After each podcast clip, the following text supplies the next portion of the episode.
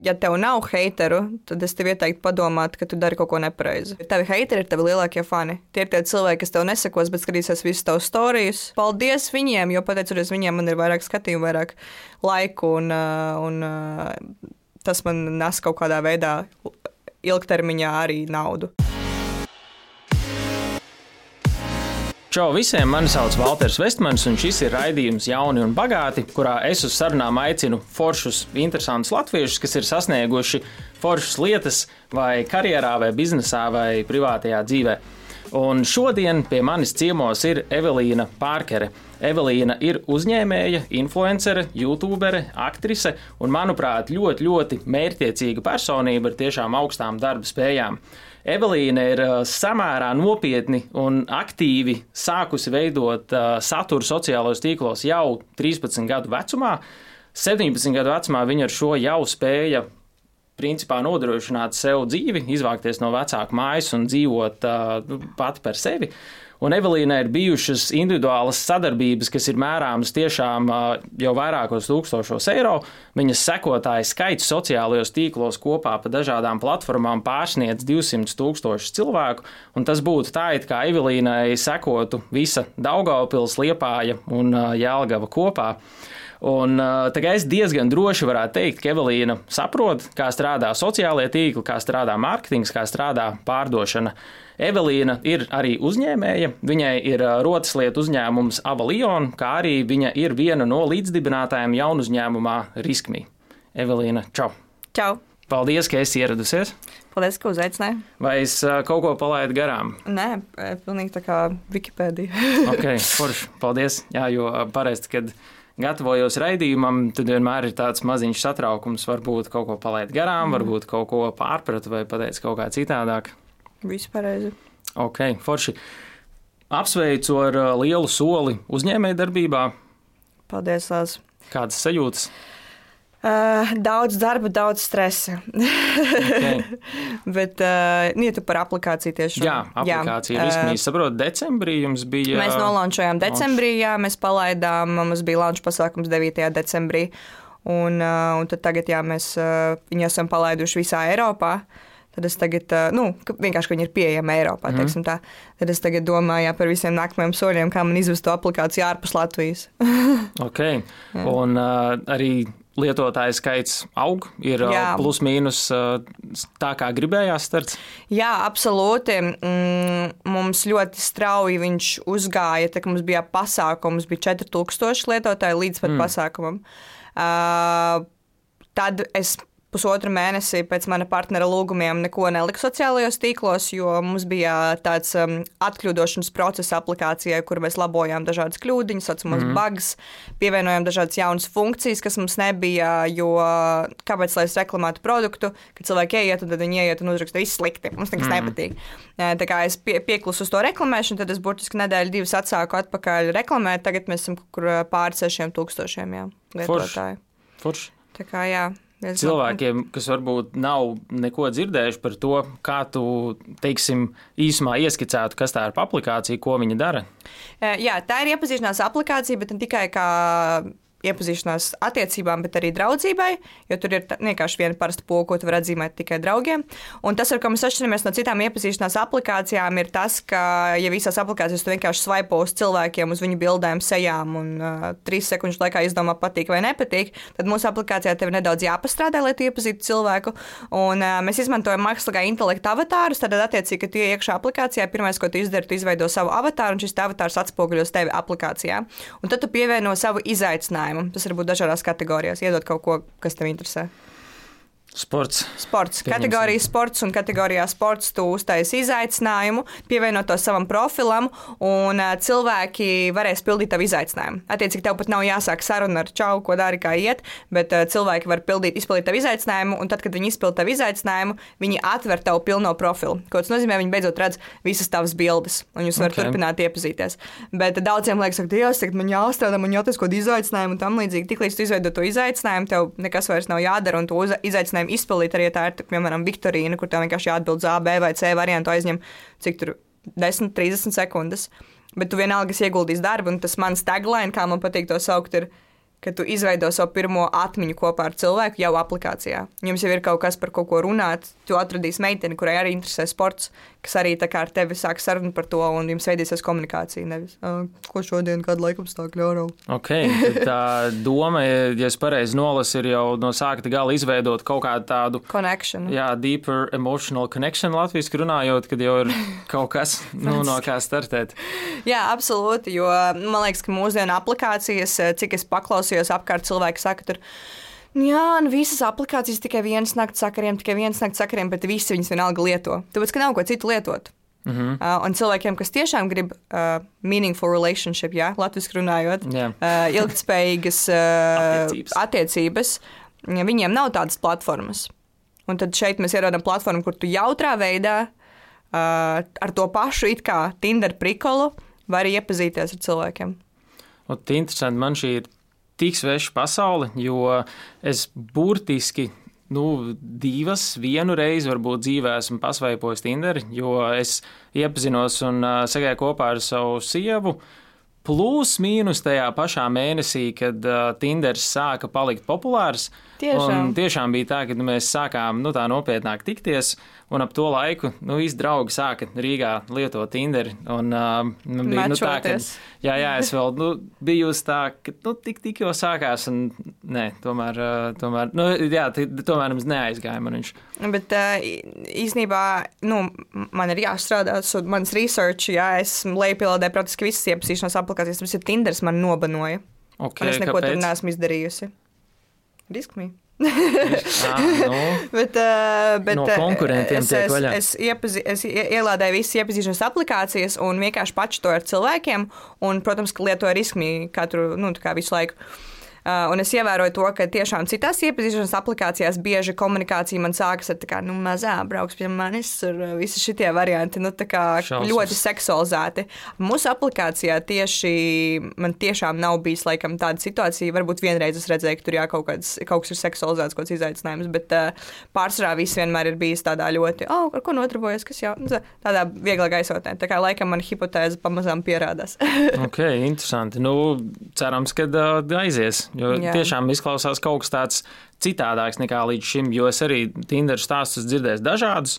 Kad, uh, nu, ir arī veiksmīgi. Jā, es arī es, es pazīstu vairākus pārus, kas iepazinušies Tinderī un ir apprecējušies. Tas arī ir forši.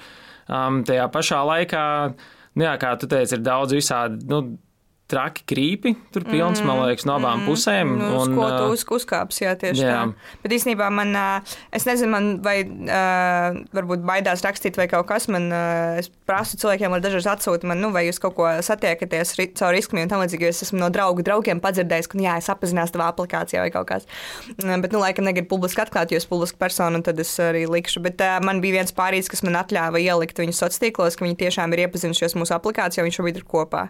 Mm. Kā tas man tā tāds uzreiz. Forš. Es vienkārši pasēdēju vienā brīdī, man bija tāds, ak, Dievs!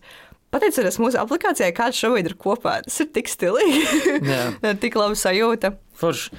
Es eh, arī pats nu, uzņēmēju darbību darbojos un tiešām varu visiem ieteikt, ja cilvēks. Teiksim, ja tev patīk kaut kāda lieta, ko lieto, nu nekautrēties to atsauksmi, iedot. Jā, vai ne? Jo tas tiešām ļoti, ļoti daudz nozīmē. Nu, vienalga kaut vai uh, pieder kādam restorāns, padzēries garšīgi kafiju, nu, baigi forši dzirdēt tos vārdus, vai vispār ka kaut kas ir liederīgi, interesanti, patīkami. Jo uzņēmēji visi vienmēr iegulda nu, tādu darbu pie dažādiem sīkumiem, un uh, pat smuka lampa kaut kur nolikt. Mm. Nu, mhm. patīk dzirdēt, ka tas ir forši. Es jau no YouTube laikiem esmu ievērojis to, ka, vai, vai arī TikTok pat tagad, ja komentārus lasu, nu reti, kurš uzrakstīs kaut ko pozitīvu. Drīzāk mm. uzrakstīs kaut ko negatīvu, un tad sāksies ķēde. Ah, jā, jā, viņai tur, nezinu, sarkana lupukrāsa zoba bija. Jā, es arī redzēju. Bet neuzrakstīs, tipā, tur, oh, forši malets divas nedēļas montē video, ļoti labs video. Nu, negatīvas lietas ir vieglāk pateikt nekā pozitīvas. Tas pats mums ir aplikācijas. Visiem, nezinu, kad mēs palaidām, es visu laiku teicu, tā ir beta versija. Beta. Tas nozīmē, ka viņai ir bugs, viņai mm -hmm. ir jābūt tādai, tas ir MVP. Un vienalga mums, kā mēs palaidām Apple, mums liek tur viena zvaigzne, nav lietojuma. Tur šitais un tas, kas tas pa interfeisu. Es atvainojos, ja es neesmu dizainere, es taisīju lielu daļu tā interfeisa. Mēs esam divi cilvēki komandā, kas to aplikāciju mm -hmm. uztaisīja. Mēs vienkārši dodam patestēt, vai mūsu hipotēze vispār strādā, un tur kā ar melnu. Un tagad mēs esam izlabojuši aplikāciju, un tiešām tās kļūdas, kas tur visas bija, par ko visi tur mums brauc augumā, ir novērstas. Nu, kā tev šķiet, cik daudz ir uzrakstījuši, oh, forši, liekas, izlabojāt labu aplikāciju vai kaut kas? Es būšu optimistisks, teikšu divi. Neviens. Oh. No 4000 neviens. Okay, no, bet... Es Apple neesmu redzējis, lai kāds ieliktu e, jaunu review par, e, par mūsu, mūsu izlaboto versiju. Mm. Nu, tā. nu, tas tāds, tas tāds smieklīgi, man liekas. Okay, bet uh, tavu pieredze ar uh, sociālajiem tīkliem un influencēšanu, es pieņemu, arī ir uzaudzē, palīdzējis uzaudzēt tādu biezāku ādu pret visiem reviews komentāriem. Ja tu jau saproti, ka kā, priekš kā tu to dari. Nu, kā, uh, tu gribi kaut ko sasniegt, tev viens uzrakstīs cilvēku negatīvu komentāru, ko tagad ies raudāt. Nu, saņemies. Ar sociālajiem tīkliem tu darbojies jau kādus desmit gadus, apmēram domāju, vairāk. pat vairāk. Kas tavuprāt ir tāds veiksmes faktors tajā visā? Skatoties uz citiem influenceriem, varbūt ko tu redzi jau ar savu pieredzi, kur cilvēki varbūt šauj greizi un kā vajadzētu darīt tā vietā? Man visu laiku cilvēki jautā par to veiksmes faktoru, un es īstenībā neuzskatu, ka es esmu kompetenta runāt par to, ka es esmu kaut kāda ģeniāla influencera vai ģeniāla mārketinga guru. Mans veiksmes faktors bija tas, kas bija viena no pirmajām. Nu, es vienkārši tiešām Latvijā biju viena no pirmajām, un es vienkārši turpināju, un tas man arī bija veiksmes faktors, kāpēc es šobrīd esmu nu, Latvijā populāra influencere. Tas ir viss. Es neesmu neko īpašāka. Bet uh, tas no tādām mārketinga lietām, ko es vienkārši varu ieteikt, uh, ko darīt, ir um, ļoti ātri cilvēki visu aizmirst internetā.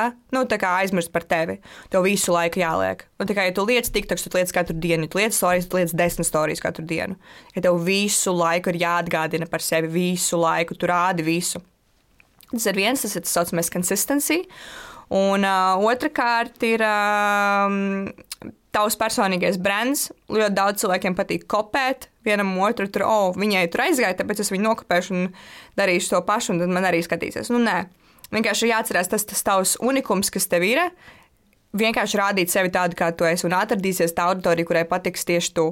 Nu, lai es vienmēr esi tu pats, bet nu, tiešām Vienkārši, jo vairāk tu būsi tu pats, jo vairāk tu nevis kaut ko tēlos no sevis. Un vēl ko es esmu citu, ievērojis, ir tas, ka mūsdienās ļoti ir kā, uh, glamorizēta visa tā luxury dzīve, un visi asociēs, ka influenceri, nu tad, uh, tad tur ir jābūt visam tur super luxury.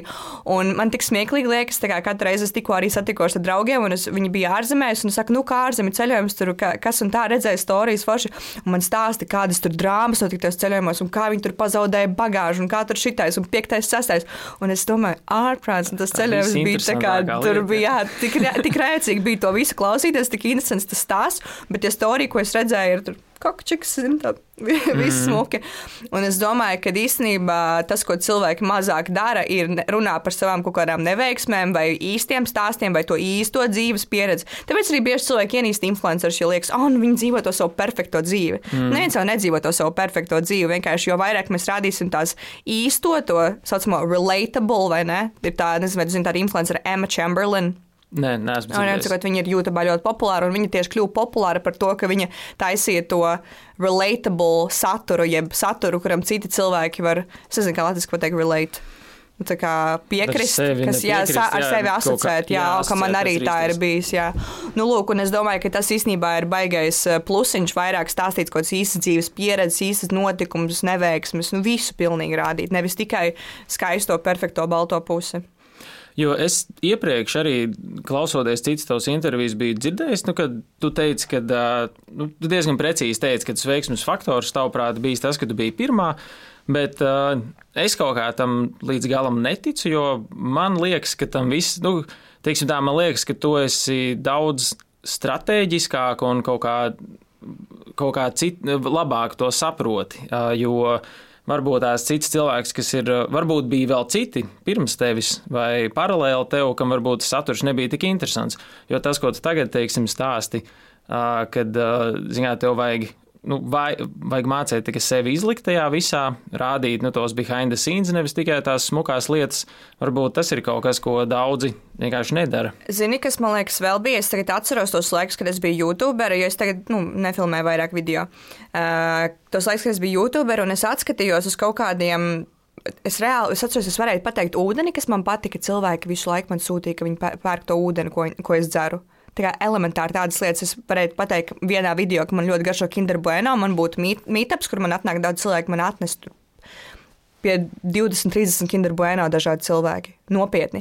Un es sapratu, cik ļoti man ir spēcīgs tas personiskais brands, nu, es rādīju cilvēkiem tiešām visu, um, no A līdz Z, kā es zobus tīru no rīta, ja, viņi man liekas, zināja, kur man apakšviks un zeķis stāv. Nu, es reāli nepārspīlēju. Viņi, redz, viņi zināja visu par mani, pilnīgi visu no A līdz Z. Un tas, kāpēc es uzbūvēju to personīgo brandu, ir, es nekad, tad arī nebija tāda sadarbības un viss tas. Es nekad arī nu, nereklamēju kaut ko, tāpēc, ka man kāds ir samaksājis vai kaut kas. Uh, viss bija ļoti īsts un patiess. Tu vienkārši gribēji cilvēkiem pastāstīt, ko tu dari. Mūsdienās tā visa influencer reklāmas vide ir tik pārsponsorēta tik piesātināti, ka tu jau nezini, kam ticēt. Nu, man arī dažreiz tā, ka es skatos, ka man patīk kaut kāda influencer, es domāju, o, oh, foršs produkts, varbūt nopirkt, nopirkt kaut kāds pilnīgākais sūds, atvainojos par izteicienu. Yeah. Nu, tā kā, man liekas, ka pazudis vienkārši cilvēkiem ir tām nu, uzticēšanās. Tāpēc es arī strateģiski, ne strateģiski, es arī, nu, piemēram, zīmoli, ar kuriem es strādāju, es reti, kad ņemu jaunu zīmolu. Ja tu paskatīsies man Instagram, bet strādāju ar zīmolu, es strādāšu ar viņu trīs gadus. Ot, kad es vienkārši paliek pie tā viena zīmola, lai man vienkārši cilvēki asociē, ka Evelīna dzer Coca-Cola vai tur Evelīna tur lieto šādus produktus. Nevis, ka es tagad teikšu, oh, es dzeru Coca-Cola, un nākamā dienā es dzeru Dr. Pepper, un tad man vēl Pepsi patīk, un vēl šitais un tas. Pazūd tā uzticība. Tā tas ir ļoti svarīgi. Tie, mm. tavi, tu, kā influenceris, tavi sekotāji ir tavi draugi. Tas ir jāatcerās. Ko tu iesaki draugam, ko tu stāsti draugam dzīvē, jo arī mēs, nu, ja mums garšo tā viena Coca-Cola, mēs jau arī pērkam to vienu Coca-Cola. Tieši tā. Un tad tas, nu, tieši kā minēja, ieslēdz to relatability faktoru, kad uh, cilvēks redz, o, es lietoju to pašu. Tā tad mm. kaut kas kopīgs. Mm. Tad tās kopīgās lietiņas pieņem, kad salasās kopā. Absolūti. Arī es vienā no intervijām dzirdēju, ka tu teici, ka bieži nākas miksēt uh, personības, kas ir ekrāna priekšā vai kameras priekšā, un kas ir dzīvē. Tur bija piemērs par Hannu Montanu un Mailiju Sairus, kad, kā, nu, kad ir viens ir otrs un jā, jāsaprot, kurā brīdī, kur ieslēgt. Kā tad īsti ir ar to? Esi tu pats, tas ir līdz kaut kādai robežai, vai tas ir, kā teiksim, to atšķirt? Man pēdējā laikā nav bijis tik ļoti daudz problēmas ar to saskarties, bet agrāk, kad es atceros, kad es biju kā mazāks bērns, piemēram, Es došu piemēru, kad es runāju kameras priekšā. Es nerunāju tagad tik mierīgi, cik es ar tevi runāju. Man bija čau visiem, te esmu Evelīna, un es jums šodien parādīšu šito un šito un šito. Jo tu centies kā, dabūt viņu uzmanību visu laiku, tāpēc arī tu runā tādā pārspīlētā kā balsī. Arī savos storijos es teikšu, nu, ko čau visiem, kā jums. Tu pārspīlēji bišķiņu to balsi, lai nu, uh, turētu tieši tā uzmanību cilvēku. Un, attiecīgi, kad viņi satiek dzīvē, un tu nezini, es varbūt noguris, vai tu, viņi ir pieraduši tev redzēt, lai tāda enerģiski pozitīva, tev acis deg, tev viss ir perfekti, tev viss ir šitā. Un tad, kad varbūt es nezinu, es kaut kur noguris, vai tev slikts garstāvoklis, vai tu ej pa ielu, tev ir augsts, tev jau viss ir apnicis, bet tev kāds pienāk, tad tu kā ieslēdz galvā, ok, kā, vai viņi sagaida no manis, ka es uzvedīšos tā kā savos video, kā, kā man ir jābūt, vai man, nu, nu, gribas ar visiem parunāt, viss ir jāsamīļo, ar visiem tur ir agrāk jāsafočējas, jādod paraksti, jā, jāpastāv desmit minūtes, jāparunā. Tu, ne, nu, tu nevari Atšķirt to, ka pat, nu, es, man arī bija reizes, kad es kā bērns pusauģu vecumā, ja tīpaši tur, zinu, arī pārējais vecums, es mēģināju teikt, ka nē, es nefčēšos, nevienu līdz garstāvoklis, lieciet man mierā. Nu, tā kā, un tad rakstīt, oh, Emelīna, ļauna mm. īstenībā dzīvē. Un tad saprotu, ka ārprāt, es taču nevaru tā darīt. Tā kā, ka tev visu laiku ir jābūt tai YouTube internetu personībai arī savā dzīvē, jo tas ir, ko no tevis sagaida. Džims Kerijs vienā intervijā arī kaut ko ļoti līdzīgu stāstīja, kad visi ir pieraduši, nu, viņš ir principā āksts telpā Jā. vienmēr muļķojās. Un, ja tu sāc runāt nopietni, tad cilvēkiem jau sāk likties, ka kaut kas ar tevi nav kārtībā, no kaut kāds dīvains, bet īstenībā jau nu, mm. tas ir Džims kameras priekšā un tad Džims uh, aiz kameras. Absolūti. Tas tā kā pie visiem filmu seriālu varoņiem, tā kā tev iesklāt un, un, un sauks tevi kā varoņa vārdā. Ah, čau, tu esi tas no tā seriāla. No, tad liksies, ka tev jātēlo tā kā kāds tu esi, bet nu, tu jau esi normāls cilvēks dzīvē. Mm. Tā ir. Es esmu dažreiz domājis, kā ir uh, tutai dzīve. Kāds, kas aizēja pie draugiem ciemos, kam mazi bērni, tur ir tā tuta. Un, uh, vai tu varbūt nezini, nu tad nav svarīgi. Tas ir citi, varbūt. Zin. nu, viņa ir ne, vienkārši ir tāds bērnu raidījums, tuta. Un sanāk arī tu.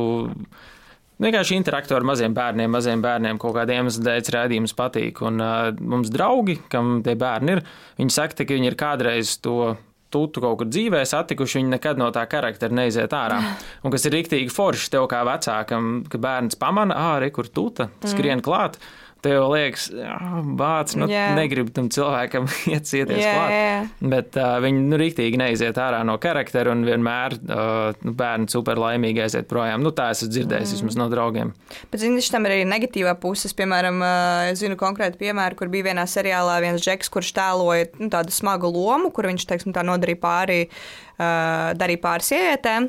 Un, uh, viņš ir vienkārši aktieris, kurš spēlē ļoti smagu lomu. Tad, kad aizgāja uz viņa sociālo tīklu profilu, tad uh, tur rakstīja viņam tādus komentārus, nomirsti, kā tu tā varēji darīt, tur šitā tā. Un es domāju, ārpus viņš ir vienkārši aktieris, kurš spēlē viņam tā raksta. Un tas ir tas, ka nu, da, daudz cilvēki, nu, ir cilvēki, kuri saprot labi to interneta telpu, vai ne, kas ir, kas ir um, kritiskā, nu, cilvēki, no, kuriem ir kritiskā to, domāšana, un kuriem nav, jā, un kuri domā, ka viņš ir tas ļaunais, kas arī tā dzīvē dara.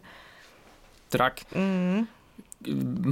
Es tagad lēnām sāku sociālo tīklu vidē augt, un es vienkārši vēl mācos, kā tur kaut kādas lietas notiekās. Un, uh, arī bieži sanāk saskarties ar visādiem trakiem komentāriem. Es diezgan daudz dzēšu viņus ārā, kaut kā dīvainā kārtā pēdējā laikā mazāk nekā agrāk. Tad, kad es tik, tikko sāku publicēt video, tad vairāk visādas dīvainības lec ārā. Jā. Teiksim, tādam jaunam censonim kā man, kas būtu kaut kādas uh, lietas, ko varētu ieteikt, tagad skatoties atpakaļ, kas varbūt bija kaut kas, ko darīja pareizi. Nu, viens, eh, ko jau minēja, bija esi tu pats, paustu regulāri. Vai ir kaut kādas vēl citas lietas, ko ieteikt tādam cilvēkam, kas grib ieiet sociālajā pasaulē? Nu, viens varbūt ir par heitu, varbūt ir vēl kaut kādas lietas, ko tu domā, tagad atpakaļ skatoties, bācis kaut kas būtu šo zinājis un ļoti noderētu cilvēkiem, kas šobrīd to sāk darīt. Nu, par heitu runājot, es tev vienkārši varu pateikt uh, frāzi, ka, ja tev nav heiteru, tad es tev ieteiktu padomāt, ka tu dari kaut ko nepareizi. Tā kā, ja tev ir heiteri, es pat teiktu, super, jo tavi heiteri ir tavi lielākie fani. Tie ir tie cilvēki, kas tev nesakos, bet skatīsies visus tavus stāstus. Tie ir tie cilvēki, kas nesakos, bet rakstīs visus komentārus. Paldies viņiem, jo pateicoties viņiem, man ir vairāk skatījumu, vairāk laiku, un, uh, un uh, tas man nes kaut kādā veidā ilgtermiņā arī naudu. Tā kā paldies jā, heiteriem. Tas ļoti labs īstenībā. Jā. Jā. Uh, bet kas attiecas par kaut kādiem ieteikumiem sociālajos tīklos, uh, ļoti, es teiktu, ka ļoti viegli ir internetā palikt populāram, bet tikpat viegli ir nokrist. Un es pat teiktu, ka tas lielais hype nav tik svarīgs, cik ja tu aizēji teiksim, līdz pusītei, bet tu māki noturēties visu laiku paralēlajā līnijā. Tad tu dabū to savu auditoriju un turi viņu. Pat ja tev nav super augšā hype un par tevi nerunā visa Latvija, tu atrod to savu nišu un ej pa to paralēlīti. Galvenais nenokrist zemāk. Tas ir pats svarīgākais. Un, jā, atrast to vienkārši to vidusceļu, ka tev ir tā auditorija, kur tu visu laiku ar viņiem komunicē, tu visu laiku ar viņiem atrod. Jo, ja tu paskaties arī ārzemēs, visu laiku uz, uzpeld kaut kādas lielas slavenības, visi par viņiem runā, kaut kāda mēnesi caur ap viņām ir milzīgs, milzīgs hype, un tad tu pēkšņi attopies, ka par viņiem neviens nerunā. Viņi pazūd. Tāpēc, ka viņi nav atraduši veidu, nu, viņi ir kļuvuši populāri par kaut kādu lietu, bet viņi nav atraduši veidu, kā monetizēt to savu lietu, kādā veidā sākt komunicēt ar to savu auditoriju, kā uz, noturēt to auditoriju. Dabūt auditoriju ir viegli, noturēt viņu ir grūtāk, un vajag vienmēr saprast, kā noturēt. To var darīt ar viskaut kādām rubrikām. To var, nu, kad cilvēki atgriezīsies pie tevis, zinās, ka ah, šis cilvēks taisa tādu un tādu rubriku, man tas interesē. Vai to var darīt ar jā, to, ka katru dienu publicē. Piemēram, es šobrīd, agrāk man bija ritīgi tas par ceļošanu. Es ļoti daudz ceļoju, man ritīgi cilvēki rakstīja, tur taisa ieteikumus, tur kaut ko es sapratu. Ok, es tāpat ceļoju, kāpēc lai es netaisītu atsevišķi par to saturu? Un es gada laikā ritīgi izaugu ar to ceļošanu saturu, ka man sāka rakstīt kaut kādas ceļošanas kompānijas un vēl vis kaut kas, nu, tā kā paķērās. Labi, tagad man aizgāja biznesa, tagad es vairāk, mazāk ceļoju, vairāk es runāju par datingu. Es noķeru nākamo lietu. Cilvēkiem patīk, ka es runāju par datingu stāstu, par saviem datingu stāstiem, eju uz randiņiem, un tagad sāksies jauns šovs no rītdienas, kuras iešu 14 randiņiem pēc kārtas. Jā, labs. Es redzēju paustiņu. nu, kā, es sapratu, ka, šitā, nu, kā, ka šitais iet visu laiku domā kaut ko jaunu, lai visu laiku nav jāmaļ tas vecais. Nu, kad, kas ir arī arī svarīgi ir vēl viena lieta, ka tā, tā auditorija, kas ir, paliek, bet ir iespējams kaut ko pamainīt, lai dabūtu jaunu auditoriju. Nu, Un tad skatīties, lai, būt, lai tas nav kaut kas pilnīgi citādāks. Ja, kad varbūt, ja tu taisīji, nezinu, steikus, tad tu tagad pēkšņi esi vegāns profils, varbūt tā nevajag. Bet kaut ko bišķiņu pamainīt, eh, kad, teiksim, taisa steikus un zivis, un paskatīties, ka varbūt tu dabūsi kaut kādu jaunu auditoriju, kurai patīk skatīties, kā taisa zivis, uh, ir ļoti svarīgi. Nu, tā kā visu laiku kaut ko bišķiņu patestēt, pamainīt. Tas tavs bizness, biznesam ir jāaug. Arī sociāli tīkli, tāpēc, ka es, tie, kas saka, ka uh, vispār visi influenceri drīkst teikt, ka viņi ir uzņēmēji, es uzskatu. Noteikti.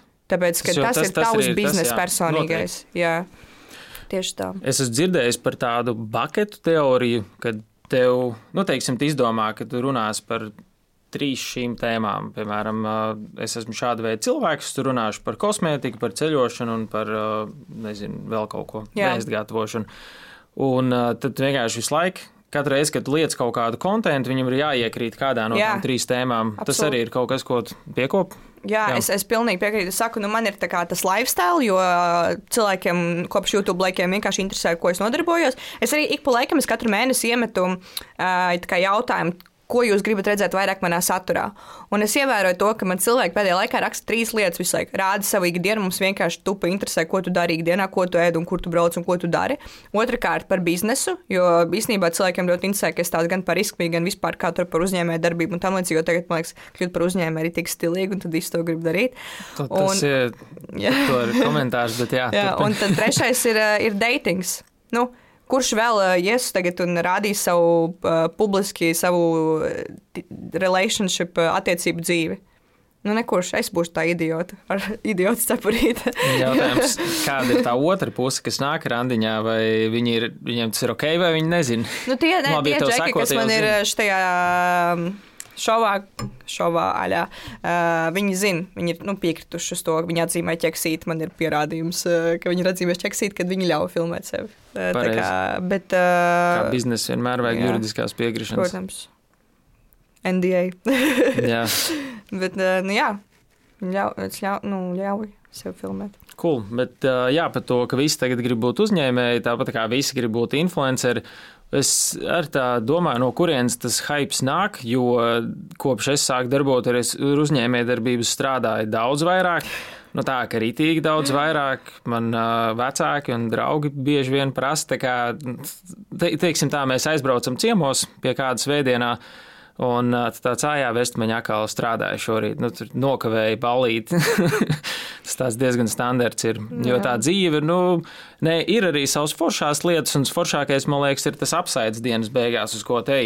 Kad tev, teiksim, darbā, ok, tu kāp karjerā, bet plus mīnus, nu, tev tā ikdiena nemainās, mm. bet uzņēmē darbībā tev ir kaut kāds, nu, kaut kas tāds lielāks, uz ko te ej, un tāds vairāk aizraujošāks, tā to varbūt varētu nosaukt.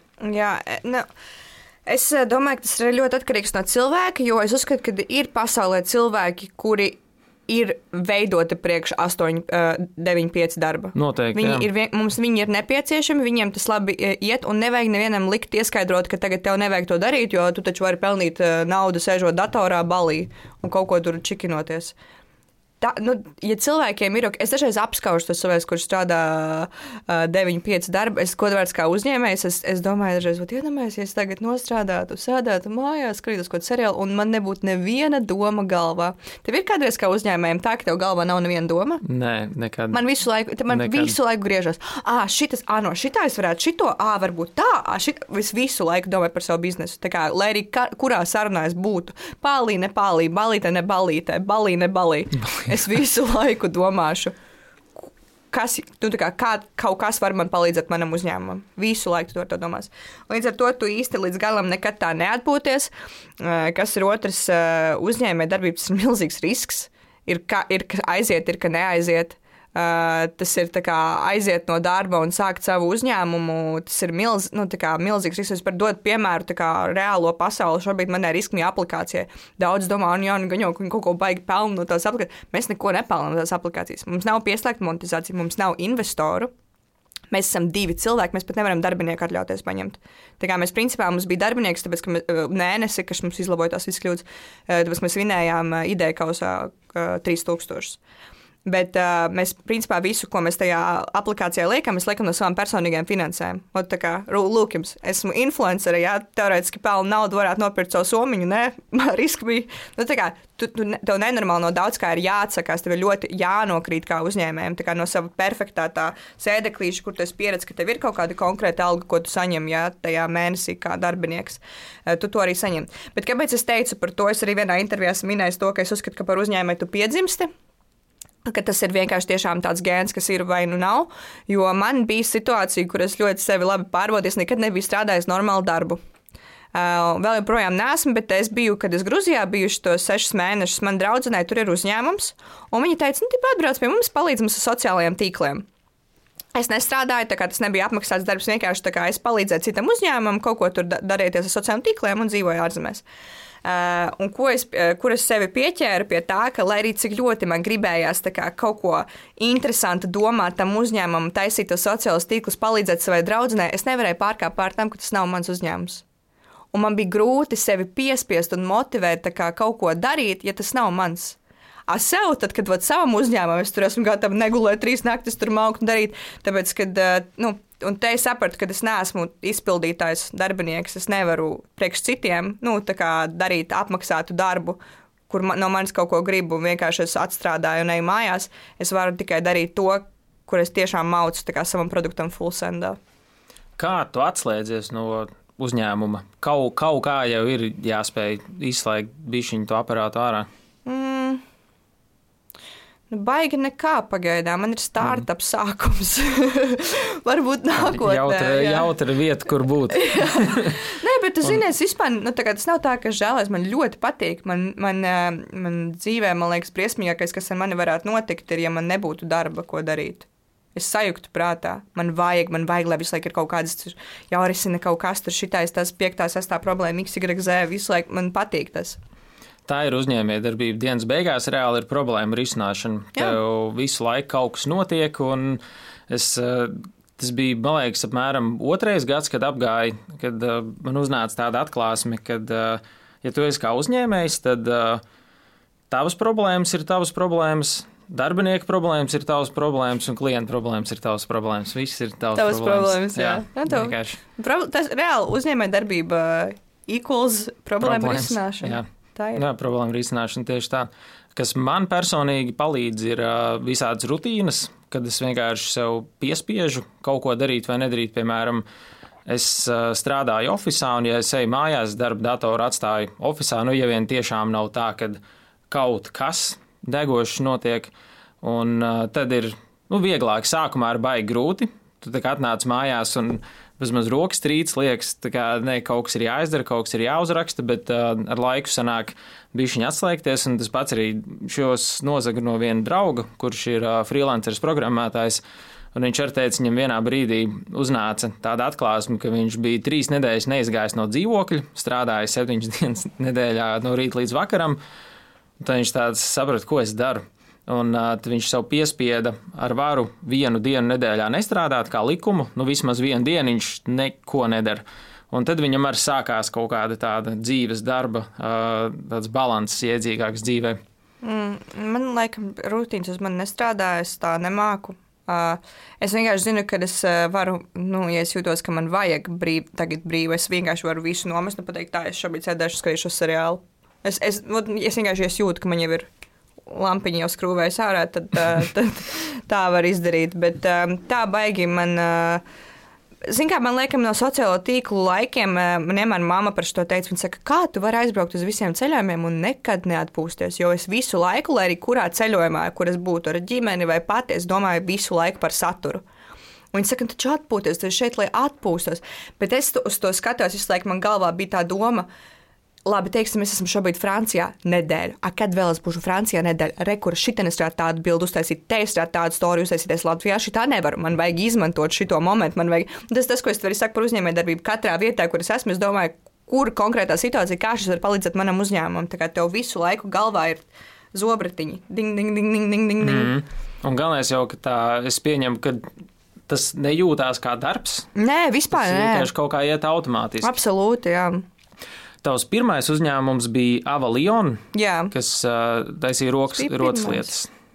Jā, Vai viens no pirmajiem? Tev ir vēl kādi bez, bez Aveliona un Riskmīta? Nē, laikam Aveliona var skaitīt kā pirmo. Jā, īstenībā man viss dzīvē šobrīd ir tieši tā, kā es esmu to savās mazajās smadzenītēs izplānojusi. Mm. jo es tad, kad es to pirmo uzņēmumu taisīju, es viņu arī teicu vecākiem, ka man ir doma, ka es gribu uztaisīt mazu uzņēmumu, pieļaut viņā pēc iespējas vairāk, tas bija mans pitch plāns, kad es viņam stāstīju, pieļaut viņa pēc iespējas vairāk kļūdas, iemācīties no visām kļūdām un un tad taisīt lielu uzņēmumu. Un man tieši šobrīd tā notiek, tas ir Jāvalion. Viņš joprojām eksistē. Es vienkārši viņam nepievēršu tādu uzmanību, jo es arī uzskatu, ka tu nevari vadīt divus uzņēmumus paralēli. Nu, tas vienkārši tā nestrādā. Tu esi vai nu fullsendā vienā, vai nu fullsendā otrā, vai nu tev abi juks. Līdz ar to man viņš ir. Tā kā vēl joprojām tās rotas var pasūtīt, man kaut kādas tur ir pāris palikušas, bet uh, es vienalga nu, esmu tikai uz risku, nu, koncentrējos. Bet jā, es tiešām pieļāvu tev uzņēmumā šausmīgi daudz kļūdas. Ļoti daudz. Piemēram, kas, kas uh, nāk prātā? Uh, Man bija partneri, kas man taisīja tās rotas. Es ar viņiem tur ļoti sačakrējos. Viņi tur ļoti daudz ko sačakrēja. Izrādījās, ka man tur bija līguma nepareizie parakstīti un vēl vis kaut kas. Uh, tad tur ar uzņēmumu reģistrēšanu man arī tur bija. Tad tur grāmatvedi arī atsakot. Es pateicoties tam uzņēmumam, es attaisīju savu ļoti smuku struktūru, kur es vienkārši tā kā kopiju, paste jaunajā. Mm. Man nekas nav jādomā.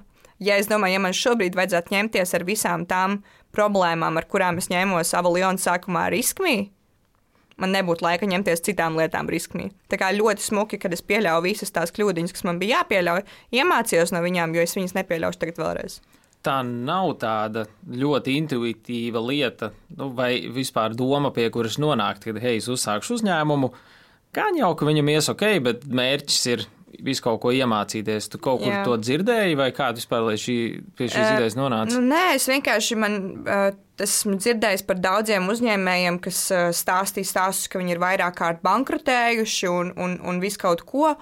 Un es domāju, ka tas ir ok. Un es atceros, ka man bija viens, man vienmēr bija tas uzņēmējs, tas domājums, jauns idejas. Un es atceros, ka es izdomāju 17 gados, laikam, 18, kaut kādu milzīgu e, eksporta, importa biznesa struktūru un uh, loģistikas biznesu, mm. kur es tagad pārdošu preces, un es stāstīju tētim, un viņš skatās man, viņš saka, tu negribi sākumā, es nezinu, limonādi pārdot vai kaut ko tādu.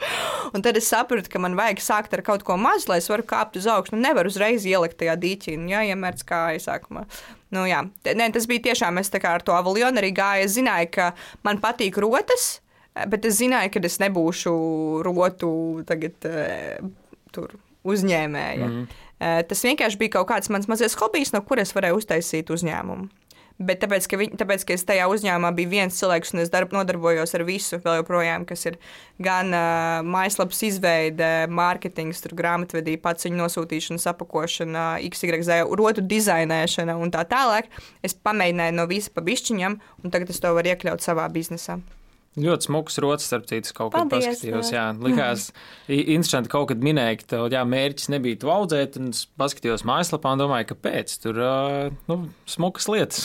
Nē, viņas ziņā. tiešām ir smukas, un man arī patīk tā doma apakšā, kas man, man tiem, kas nezinu, man viss ir ar rociņām, un tā ideja ir, ka tās ir draudzības rotas, kas palīdz mīlestības un draudzības mm -hmm. rotas, ko tu vari starp attiecībām, starp džeku un meiteni vai draudzenēm vai džeku draugiem nesēt savā starpā. Man liekas, ka tas tāds tā kā bērniņš, un tad riskmi ir tā tāds jau lielais, uh, lielais bērns, jo tas arī ir savā veidā par draudzību un mīlestību. Tā kā tās Kopi, tēmas kaut kā. Jā, kopīgi tēma iet cauri visam. Tu pieskāries jau vecāku tēmai. Tev man interesē, no kurienes tev ir nācis tas drives iekšā kaut ko darīt. Jo, nu, tipiskais 13-gadnieks, nezinu, spēlē simsu mājās vai kaut kādas tādas lietas. Vai tev ir kaut kāds piemērs bijis augot, skatoties, ko kāds ģimenes loceklis vai radinieks darīs? Man tev... vecāki paši saka, Evelīna, mums liekas, ka tu esi adoptēta. Bet, nu, neļaun, nu, es neesmu adaptēts, es redzēju savu dzimšanas certifikātu. Kaut arī viņš var būt arī fake. Ah. Nē, bet viņi vienmēr smējas. Viņi saka, man vecāki ļoti privāti cilvēki, tāpēc es par viņiem daudz nerunāšu. Uh, bet viņi vienmēr saka, nesap, mēs nesaprotam, kā mēs varam būt tādi super privāti cilvēki, kuriem uh, pa, nav pat sociālo tīkla. Man mamma ir tur, bet tētim vispār nav nekāda sociāla tīkla. A, to es tāda, kas ir gatava uz āru, tur skatavas skāp. Man vienmēr no bērnības laikiem patika, ka tur viss teātrī, visur vienmēr visu vadīt. un uh, iestāties līderu pozīcijā. Un, saka, kā tu to dari, vispār nav mūsu kā, lauciņš. Tā kā mm. es laikam nezinu. Ne, man, man teica, ja tieši par uzņēmēju darbību runā, ir palīdzējis ar viskaut kādām lietām, jo es arī es esmu uzskatu, ka ir ļoti svarīgi klausīties veco skolu. Jā, jau daudz kas ir mainījies, daudz kas ir mūsdienās citādāk nekā vecajā skolā. Bet, ja man ir iespēja runāt ar uzņēmējiem, kas ir kaut ko darījuši tieši no vecās skolas, es vienmēr ņemšu no viņiem piemēru. Tāpēc, ka tomēr biznesa ir cilvēki un cilvēki nemainās. Jā, Fakts. trendi mainās, bet cilvēki nemainās, un ar viņiem vajag mācīt, kā runāt un kā, kā vedīt sarunas un vispār. Jo tāpēc es vienmēr ņemšu kā, padomus no cilvēkiem, kas ir pieredzējuši tajā un ir izgājuši kaut kādiem 90. Jā, noteikti. Tā, nē, tas precīzi ir to arī lasot mārketinga, pārdošanas grāmatas, tās pašas personīgo finanšu grāmatas, tur atkal viss cauri iet atkal un atkal un atkal tā tēma, nu, ka cilvēki pēc būtības nemainās, principi nemainās. Un viss, kas mainās, ir uh, kaut kādas detaļas, mm. piemēram, vai mēs runājam par uh, tur to, to vai šito. Mm. Bet, uh, Bija NFT, ir, tagad ir jā. apmēram, nu, jā, tieši jā. tā, no, no tās sērijas, kā bija gadsimta sākumā. Uh, milzīgs bums ap tulpēm, ir tāda tulipomēnija saucās, ka cilvēki kā traki pirka tulpiņu sīpolus. Nu, fast forward simts gadus cilvēki kā traki pērk kaut kādus koinus. Princips ir precīzi tas pats, kas noveda līdz tam, kas, kāpēc tas viss sprāga un sabruka. Mm. Nu, vienkārši, kad tu, kad tu lasi vēsturi, tad saproti, ka vēsture nu, atkārtos. viens un pats, jā, tas pats arī bija arī ap 2000 gadiem, kad bija dotcom burbulis internetu uzņēmumi auga kā traki, un cilvēki investēja viņos tikai tāpēc, ka tas bija internetā, wink, wink, uz blockchain. un, nu, jā, un dienas beigās, kad cilvēki tagad saka, piemēram, nezinu, investē kripto, nu, tev 20 gadus apkārt, kā es pateiktu, investē internetā. Uh, man pirkt rūterus, vārdus. Kas tas īsti ir? Nē, bet bija arī tas Jā. lielais prikals, tā metaverse, vai ne? Jā, tas, arī, tas arī brīdī. nobruka. Un, nu, jā, kad, kad tā galvenā ideja, man, es tieši runāju ar vienu manu draugu, kurš man teica, Evelīna, bet tu saproti, ka tava aplikācija ir tīrākā metaverse? Es saku, kā nav gan. Viņš saka, nu kā, bet metaverses galvenais mērķis bija savienot digitālo pasauli un īstus cilvēkus, kas kaut ko dara. Es padomāju, bet tā taču ir reāli katra aplikācija. Nu, to mēs visu laiku esam metaversā. Tā, tā, tā. Jā? Matriks aizsardzības. Jā. Kā tev izskatās tipiska ikdiena šobrīd? Tipiska diena vai tipiska nedēļa? Nu, to arī pajautāju. Uh, principā man katru dienu ir kaut kas cits. Tā kā vienu dienu man ir sociālo tīklu diena, un es taisu visu kaut kādas, kas man ir sadarbība, kontents jātaisa. Otru dienu es varu no rīta līdz vakaram nosēdēt uh, pie datora. Tīri vienkārši paperwork. Cita diena man var būt. Uh, XYZ jābūt vis kaut kādās vietās, tad es pasākumu organizēju, tad es tur šovu taisu. Tā kā man visu laiku, uh, man, mana profesija, es viņu nevaru uh, Kādreiz man cilvēki prasa, kas tā profesija saka, nu, es palīdzu cilvēkiem iemīlēties. Bet tas, kā es to daru, ir man ir tik daudz dažādi darbi, ka es nevaru definēt savu profesiju. Tā kā, ja, tad, kad tu arī zini, kā, kad uzņēmējs tu iesāc, tev ir jādara viss. Ja man pasaka, dizainē tagad interfeisu. Es dizainēšu interfeisu. Canva.com. Figma.com. ah, Figma. Jā, ja man, ja man pateiks, tur es nezinu, tagad tev ir jāraksta scenārijs šovam. Ok, nu, tā kā tev viss vienkārši ir jādara. Man nav tāds. Uh, Nezinu, nav konkrēta struktūra. Nav konkrēta struktūra, tāda, jā. jā. Bet es parasti pamostos, es nēdu. No rīta es izdaru tikai, jā, es nedz, es, es izdaru tikai kafiju. No mm. jā, es nēdu, jo man ir tāda psiholoģija galvā, ka es neesmu, kamēr pastrādāju, es neesmu nopelnījusi. Okay. Un tas man ļoti palīdz, starp citu, vairāk pastrādāt. Jo tad, kad tu paēdi, es nezinu, vai tev tā arī ir, bet man tāds pēc tam. Nedaudz ir, jā. jā. Tāpēc es nēdu. Um, Tad es kaut kur jā, pūkstens četriem, četri līdz seši spēdu kārtīgi. Un tad vakarā es parasti, nu, man ir bijušas dienas, kad es strādāju tiešām no agra rīta līdz kaut kādiem desmitiem, divpadsmitiem, ir bijis arī līdz vieniem, bet tā pārsvarā tagad ir palicis mierīgāk, kopš, tā, kopš mēs launčojām. Es teiktu, es kaut kur ap septiņiem jau esmu tāda daudz maz brīva, varu vienkārši, nu, es vienalga domāju, ko un kā, visu laiku sēžu sociālos tīklos, tur skatos, ko es trenos vai kaut ko, ko, ko pievienot un tā, bet tas jau tādā vairāk čilvaibā. Okay, tev ir ikdiena ļoti izmainījusies salīdzinot ar laiku, kad tu biji tīri sociālo tīklu, influenceru, uzņēmēju cilvēks. Salīdzinot tagad, kad tev startups arī paralēli iet. Jā, es, es, es agrāk biju daudz slinkāka. Man bija ļoti brīvs režīms. Es biju tā kā pieradusi, ka, ah, ok, man tur, teiksim, trīs sadarbības mēnesī, un man nekas vairāk nav jādara. Tad es, teiksim, trīs reizes mēnesī nofilmēju kaut kādus to sadarbības kontentus. Es, teiksim, dabūju savu mēnešu ienākumu, to, to summu. Un, nu, tad es tā kā filmēju vienkārši brīva kontekstu, daru, ko gribu. Tad, teiksim, dzīvoju to savu perfekto dzīvi, eju sporta zālē, tur ēst, visu to vienkārši filmēju, rādu saturā, man nekas nav jādomā. Nu, un tad, kad tev ir kā, tas um, startups, tad tev visu laiku galvā ir tā doma, es nevaru atļauties atpūsties. Kāpēc, lai es tagad ietu uz sporta zāli, es varu izmantot šo laiku, lai tagad taisītu Instagram postus priekšrīsmī?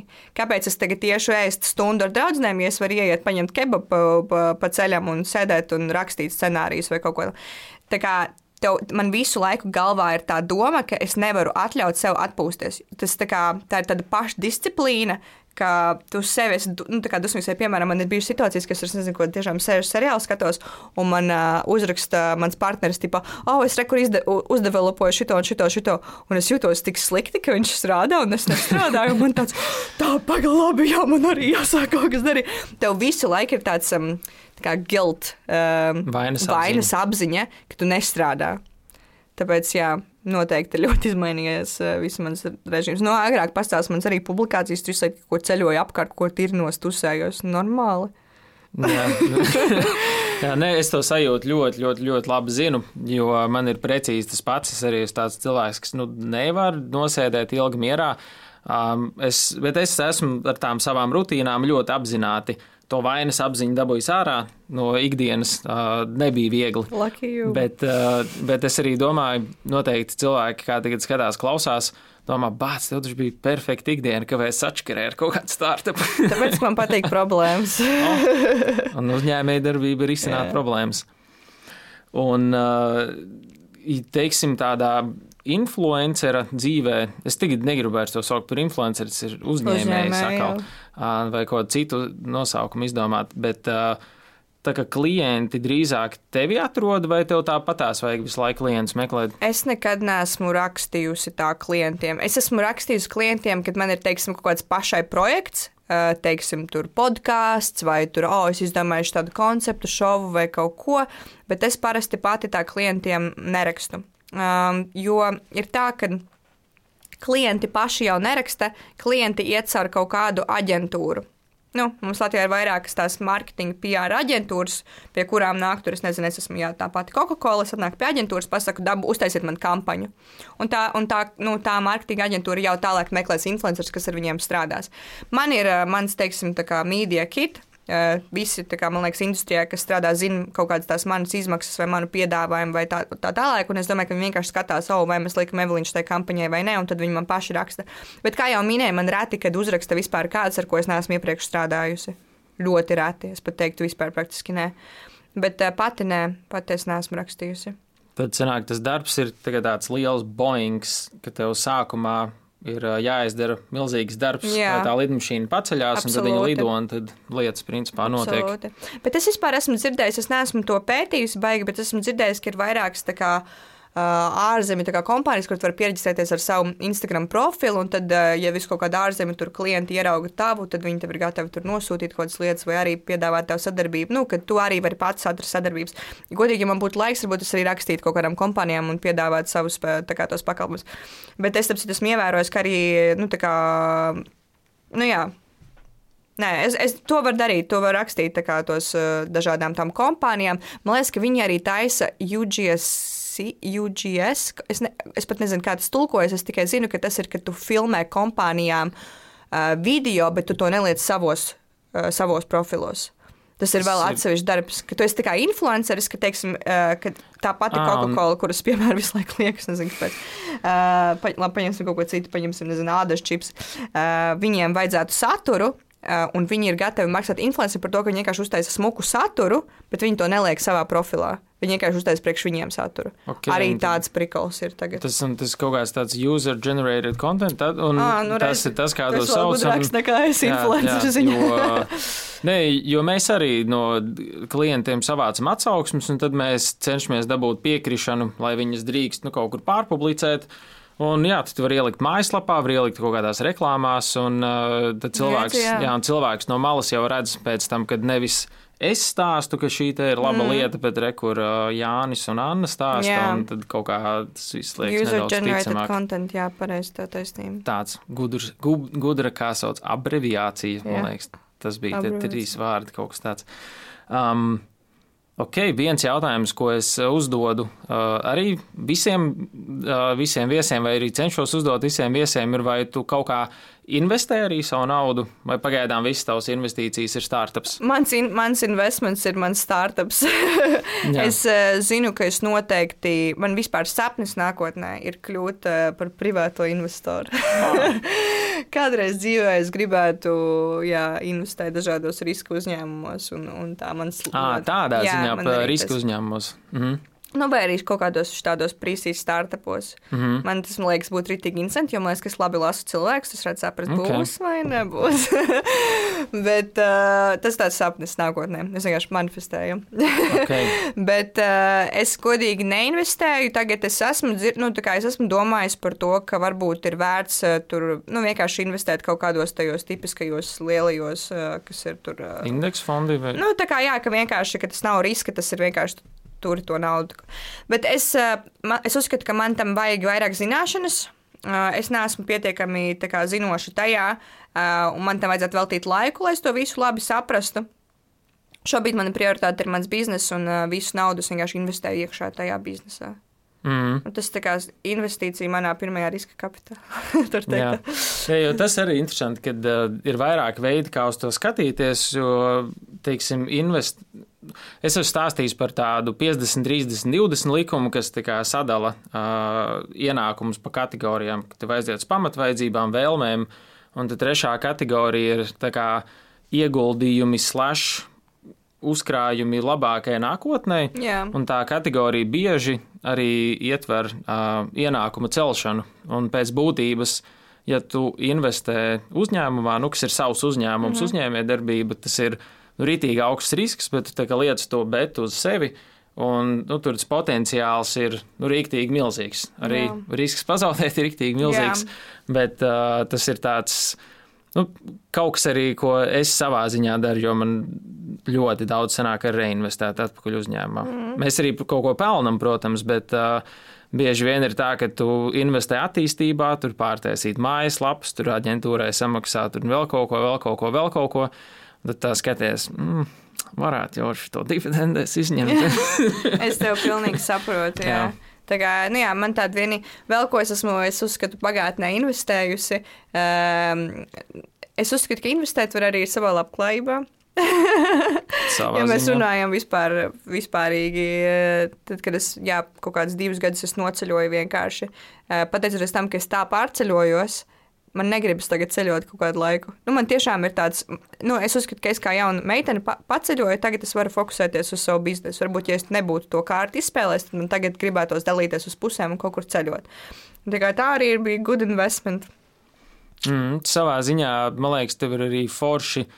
Uh, es nezinu, vai paveicies ir īstais vārds, jo tu pie tā ļoti traki strādāji, bet tev sanāca izdzīvot to posmu, ka tu vari tiešām nu, tās pāris dienas mēnesī nu, tiešām ļoti nostrādāt, Jā. un tad uh, pārējais laiks ir diezgan brīvs. Jo daudz, dzīvo, ar, daudz cilvēku dzīvo ar to kā tādu tā kā sapni, sapņu dzīvi, uz kurien mm -hmm. viņi iet. Bet, ja tu to agrā jaunībā izbaudi, tad tagad saproti, ka tā nav atbilde, un tāpat kaut kas ir jādara. Jā. Tad es pieņemu, ka ar pilnīgi citu motivāciju arī var mesties iekšā jaunās lietās. Jep. All right. Un uh, viens pēdējais jautājums, ko gan es uzdodu visiem. Uh, vai ir kāda viena grāmata, vai tas ir par biznesu vai uzņēmēju darbību, kas tev ir ļoti palikusi atmiņā, kas, kas ir bijis tāds kā pagrieziena punkts dzīvē, vai varbūt vienkārši kaut kas, pēc kā izlasīšanas tev ir bijis tāds, ah, nu, kaut tā kā visi šo izlasītu. Um, Man īstenībā bija tā, ka es varu izstāstīt pat nelielu, kas man liekas smieklīgi. Man pirmo reizi man viens džeks ieteica to saucamo self-help grāmatu, kas bija uh, 5 no rīta klubs. Mm -hmm. jau, tā bija pirmā. Es lasīju, nesmu, bet dzirdēju. Jā, tā bija uh, Robina Šārma grāmata. Mm -hmm. pirmā grāmata, ko es izlasīju. Protams, ka es tur pacēlos 5 no rīta, divas dienas ar to arī viss beidzās. Bet viņa īstenībā bija ļoti interesanta. Tā kā vienkārši kāda viņa sal, sal, kā salīdzinoši, kas tur bija un kā. Un uh, tad es sāku lasīt visas self-help grāmatas, un vienā brīdī es attapos, ka viņas visas ir vienādas. Tā kā viņas visas ir pilnīgi vienādas. Es esmu uzlikusi boikotu self-help grāmatām. Kontroversāli, bet es palikšu pie sava. Un ko es sāku darīt? Pagājušajā gadā es uh, Bills Gates. Katru ceturksni izliek savas četras vai piecas mīļākās grāmatas, kas viņam ir. Un es darīju tā, ka katru Ziemassvētku viņš lika pa visu gadu, kas ir viņa mīļākās piecas grāmatas bijušas, un ko viņš iesaka izlasīt. Un es katru, katru Ziemassvētku sūtīju tās piecas grāmatas. Nu, es viņas ne visas izlasīju, bet es nu, daudz izlasīju. Un ir viena ļoti interesanta, kuras visiem ieteiktu izlasīt. Viņa saucās Thousand Brains. Un tā principā ir grāmata, kas uh, skaidro, kā strādā mūsu smadzenes kā, kā mūsu smadzenes, eh, mūsu atmiņas, viss ir balstīts kā, uz pikseliem, kā strādā neironi. Kā, protams, ka smadzenes tā ir tāda visneizpētītākā vai ne, uh, lieta. Jā, arī, jā. jā un, un, un tur viņš tur bija tik daudz tie pētījumi, kā viens pētījums ir pārņemts, un tad nākamais ir pieliks klāt. Ļoti interesanti. Un man tas īstenībā daudz vairāk palīdzēja saprast, kā, kā es domāju savā dzīvē, eh, kā es uztveru lietas un kā es varu neuztvert lietas, ja es negribu. Ļoti mm. interesanti grāmata. Super, tā ļoti forša ideja, jo es nesen arī pabeidzu Reida Dalio principāls grāmatu, un viņš arī ir diezgan traki iegājis iekšā visā smadzeņu zinātnes tēmā. Un viņš teica, ka ļoti bieži uh, cilvēki saka, nu, ka visādas domstarpības rodas no nepareizas komunikācijas, bet nepareiza komunikācija rodas no tā, ka tu nezini, kā ar to cilvēku komunicēt, jo tu nezini, kā viņam ir mm. smadzenes saslēgtas. Un tad tur ir dažādi cilvēku tipi, ar katru īstenībā vajag runāt citādāk. Mm. Viens ir burtisks cilvēks, cits ir uh, konceptuāls cilvēks. Un, Jā, absolūti. Lieta. Tad uh, Thousand Brains. Thousand, bet tu atradīji? Nē, es pierakstīju. Ah, jā, ļoti, ļoti laba tiešām grāmata. Tiešām ļoti interesanta. Forši. Iesaku. Ja cilvēki grib kaut ko vairāk par tevi uzzināt, kur viņiem to pieskot, kur tas aktīvāk? Evelīna Instagramā. Evelīna. Ok, nu, liels tev paldies. Man liekas, bija super interesanta saruna. Pats paldies, daudz, pats daudz iemācījos arī. Yeah? Jā, visu, ko man aktuāla tēma. Sociālai tīkli. Jā, okay. tā ir. Labi. Super. Paldies. Tad jau paldies, līdz nākamajai reizei. Čau!